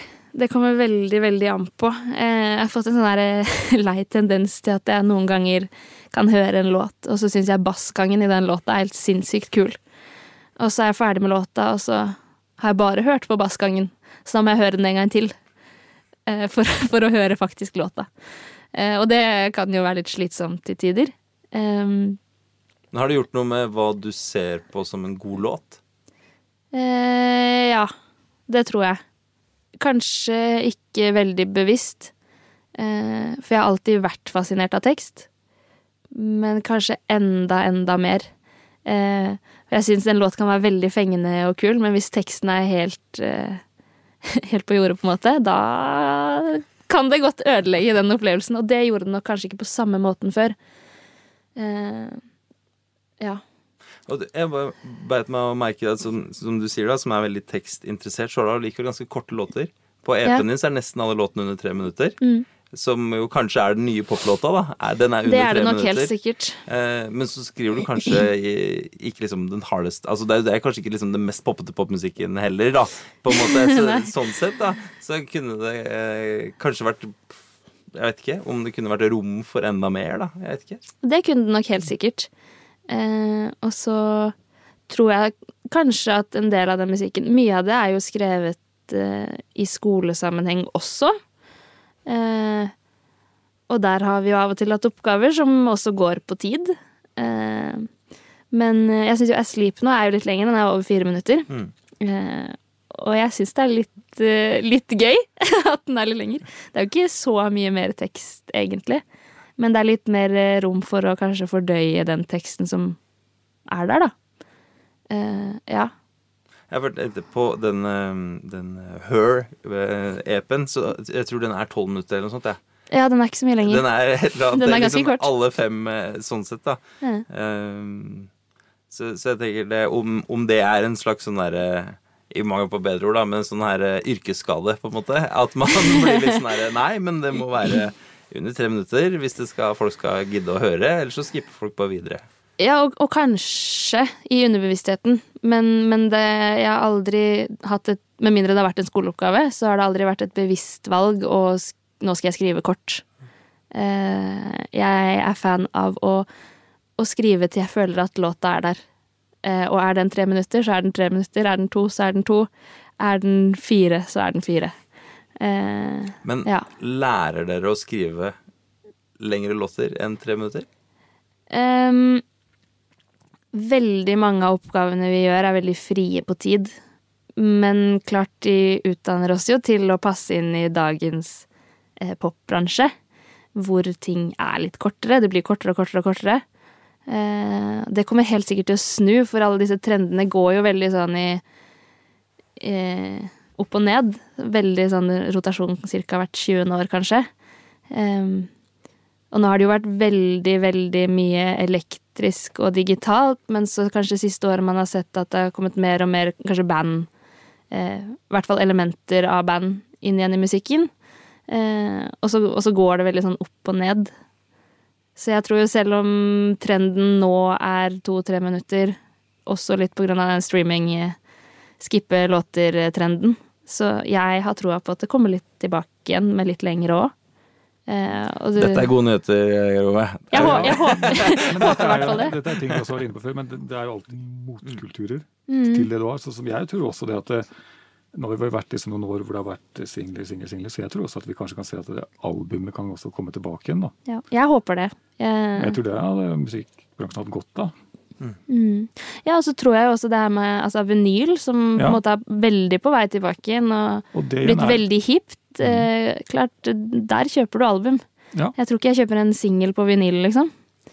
Eh, Nei, det gjør man ikke. Men, men jeg, jeg tenker med den bakgrunnen du har nå, og den, altså den skole, skolegangen du har liksom innenfor uh, låtskriving og sånn, hva er liksom dine kriterier for en god låt? mm, det er vanskelig spørsmål, egentlig. Eh, jeg, tror, jeg tror det er veldig helhetsbildet. Men, men en, en, god tekst syns jeg er viktig. Eh, det kan, ikke, det kan ikke være en tekst hvor man tydelig hører at her har jeg skrevet ord bare for å skrive ord. Eh, og så syns jeg at soundet eh, er viktig. Ikke at det må være så mye, men at det skal være gjennomtenkt, og at det skal passe med teksten. Eh, at man føler at ting henger sammen. Eh, I en sånn helhetlig bilde. Og også at melodiene ikke er de samme som alt annet. Vi kan gjerne minne om noe eller noe sånt, men nå er det jo veldig mye sånn sampling. Man bruker mm. gamle låter inn i nye låter, og jeg syns det kan være kult i noen tilfeller. Men for eksempel disse låtene som egentlig bare er gamle låter remixa med ny tekst, det er ikke jeg så fan av. Da vil jeg heller ha noe nytt. Men å bruke det inn, bruke deler av originalen, faktisk originalen, det kan være kult. Syns jeg. Ja, men eh, Hva er det som kjennetegner altså en låt som du hører? Eh, hva er det som kjennetegner at du liker den eh, låta? Er det noen sånn fellesnevner? Utenom det, det, hele bildet, på en måte? Teksten tror jeg kanskje er det viktigste for min del. Så det er som det første du hører på når du hører en, en ny låt? Eh, ja. Stort sett. Eh, ja. Jeg, jeg syns det er viktig. Mm. Eh, og ikke nødvendigvis at jeg skal relatere til teksten men mer at det skal eh, beskrive noe på en god måte. Eh, eller at du hører at det, det, er litt gjennomtenkt, da. Ja, eh, opp mot eh, eh, komposisjonen, på en måte. Så. Ja. Så, så, tekst er kanskje pri én på det jeg hører på. Mm. Ja. Og så er jeg, jeg er glad i å skrive tekst selv òg. Jeg er også veldig glad i, i melodier eh, når jeg skriver. Men det faller veldig ofte bak tekst når jeg hører på musikk. Mm. Ja, Der har vi vel kommet et stykke. For jeg syns den popmusikken som kommer nå, virker som å ha mer fokus på melodi enn det vi hadde for bare fem år siden. Mm. Eh, det er nok kanskje sant. Jeg syns Men ja, det jeg ofte syns i dagens popmusikk, da, er at eh, særlig sånn listepop, at melodiene ja. kanskje trumfer tekst i for stor grad. Det har du nok rett i. Ja. Eh, og det gjør nok at jeg hører mindre på, på den musikken. Ja. Jeg syns at Altså, jeg er ikke sånn super-country-fan, egentlig. Men jeg syns at der er de veldig, veldig gode på tekst. Så de tekstlige greiene derfra er, eh, er gull verdt. Ja, det har du nok eh, rett i, fordi der hører i hvert fall teksten tydelig òg, da, på en måte. Mm. Så hvis den er så som så, så kommer den godt fram. Mm.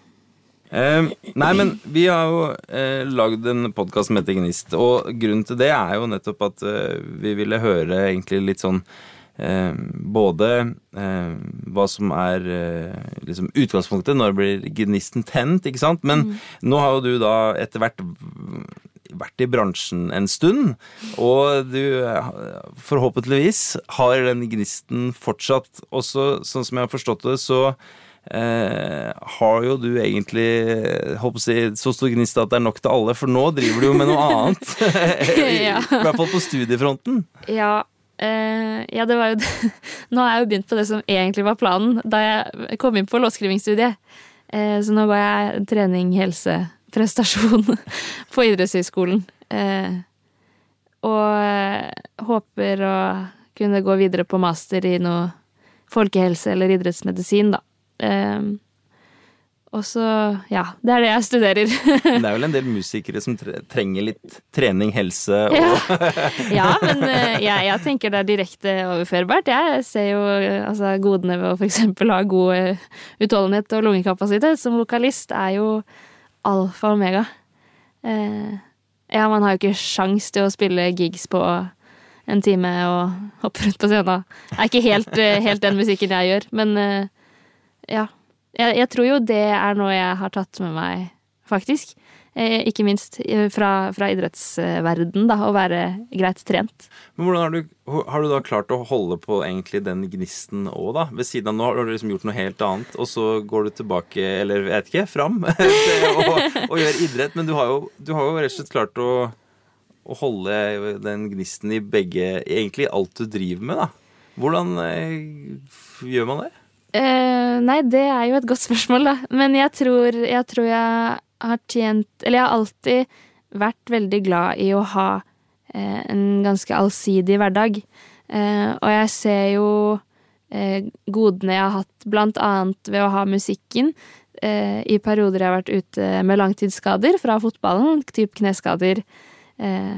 Hvor du fort er ute en hel sesong, da, og kunne ha den musikken å, å fikle med. Eh, men å også kunne legge musikken helt bort for når du er på trening, eh, enten om det er fotball, eller om det er dans, eller om det er eh, på løpetur, og bare kunne tømme hodet helt for eh, for, for de her kreative ideene og sånn, da. Og ofte så opplever jeg egentlig at rett etter en, en treningsøkt at det fort kan komme ideer. Så å kunne kombinere og få litt forskjellige gleder i de forskjellige miljøene. Og jeg har jo helt Altså, jeg har et veldig todelt vennekrets. Jeg har liksom idrettsvennene mine som har helt andre eh, interesser, og praten i den gjengen er en helt annen enn når jeg henger med musikkfolkene mine.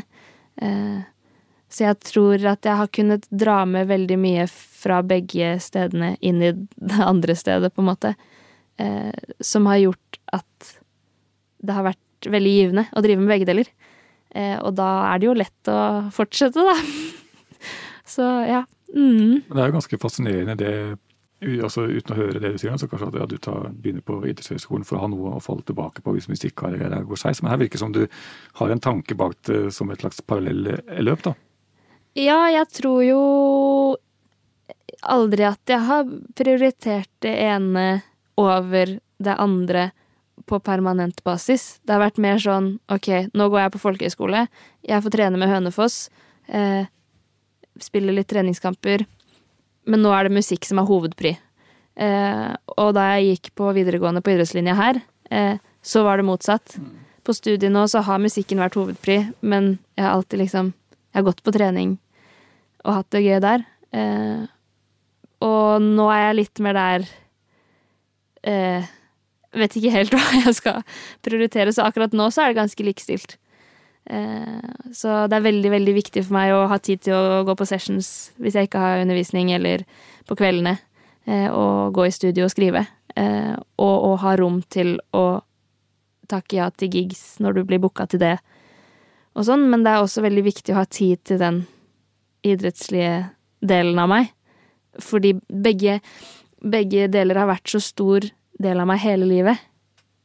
Så det er, det er, veldig vanskelig å gi slipp på en av de, og jeg tror det også er litt med på Ja, man har fått, fått veldig mye fine opplevelser gjennom begge deler. Mm. Helt til slutt her så har vi lagd en litt sånn slem fem kjappe. hvor, man ikke får, ja. hvor man ikke får lov til å svare begge deler, for eksempel. Du, tar, du, tar, du, utfordringa? Eh, ja, jeg må det. så her er det ikke for mye tenking. Her, det, her må du rett og slett bare velge. Ja. ja. Du tar den? Ja.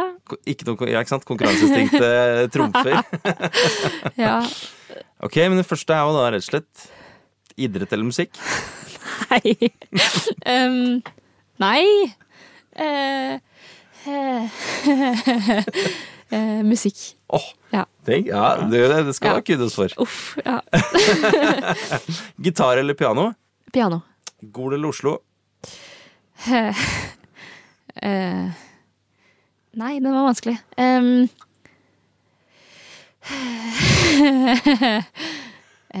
I dag Gol. Ableton Live eller Logic? Logic. Singler eller album? um, album. Bra! Ja. Kjempebra. Det må jeg si. Imponerende.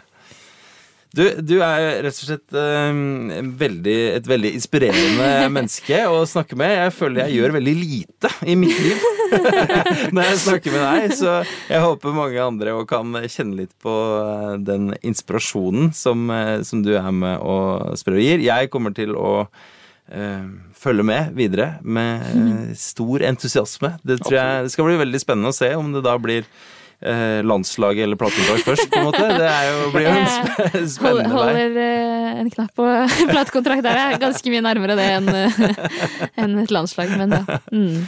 Helt, til, helt til slutt så, så pleier vi å spørre om eh, du har enten eh, en låt eller et album av noen andre som du tenker at eh, dette burde folk høre på, som folk kanskje ikke har hørt om før.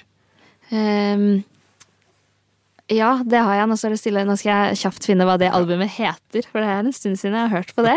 Men det er Bon Iver. Ja. Jeg skal bare finne akkurat hvilket det er jeg tenker på. Um, eh, han har ganske mye kult, og jeg er veldig, eh, veldig glad i det han når han eh, eksperimenterer veldig med, med soundet sitt. Eh, 22 A Million. Ah. Veldig, veldig kult eh, album. Egentlig både det og I I, som, eh, som kom tre år etterpå. Hvis du skulle velge en låt fra det albumet, så vi skulle runde av her med Um, 33 God, kanskje. Den syns jeg er kul. Dritkul, faktisk. Det er en bra tittel. Ja, Ja. Ja. ja. ja den, er, den er Ja. Den spilles ofte. det var bra. Ja. Kjempefint. Da går vi ut på den. Tusen takk, Åsne, for at du kom. Takk for at vi kom med.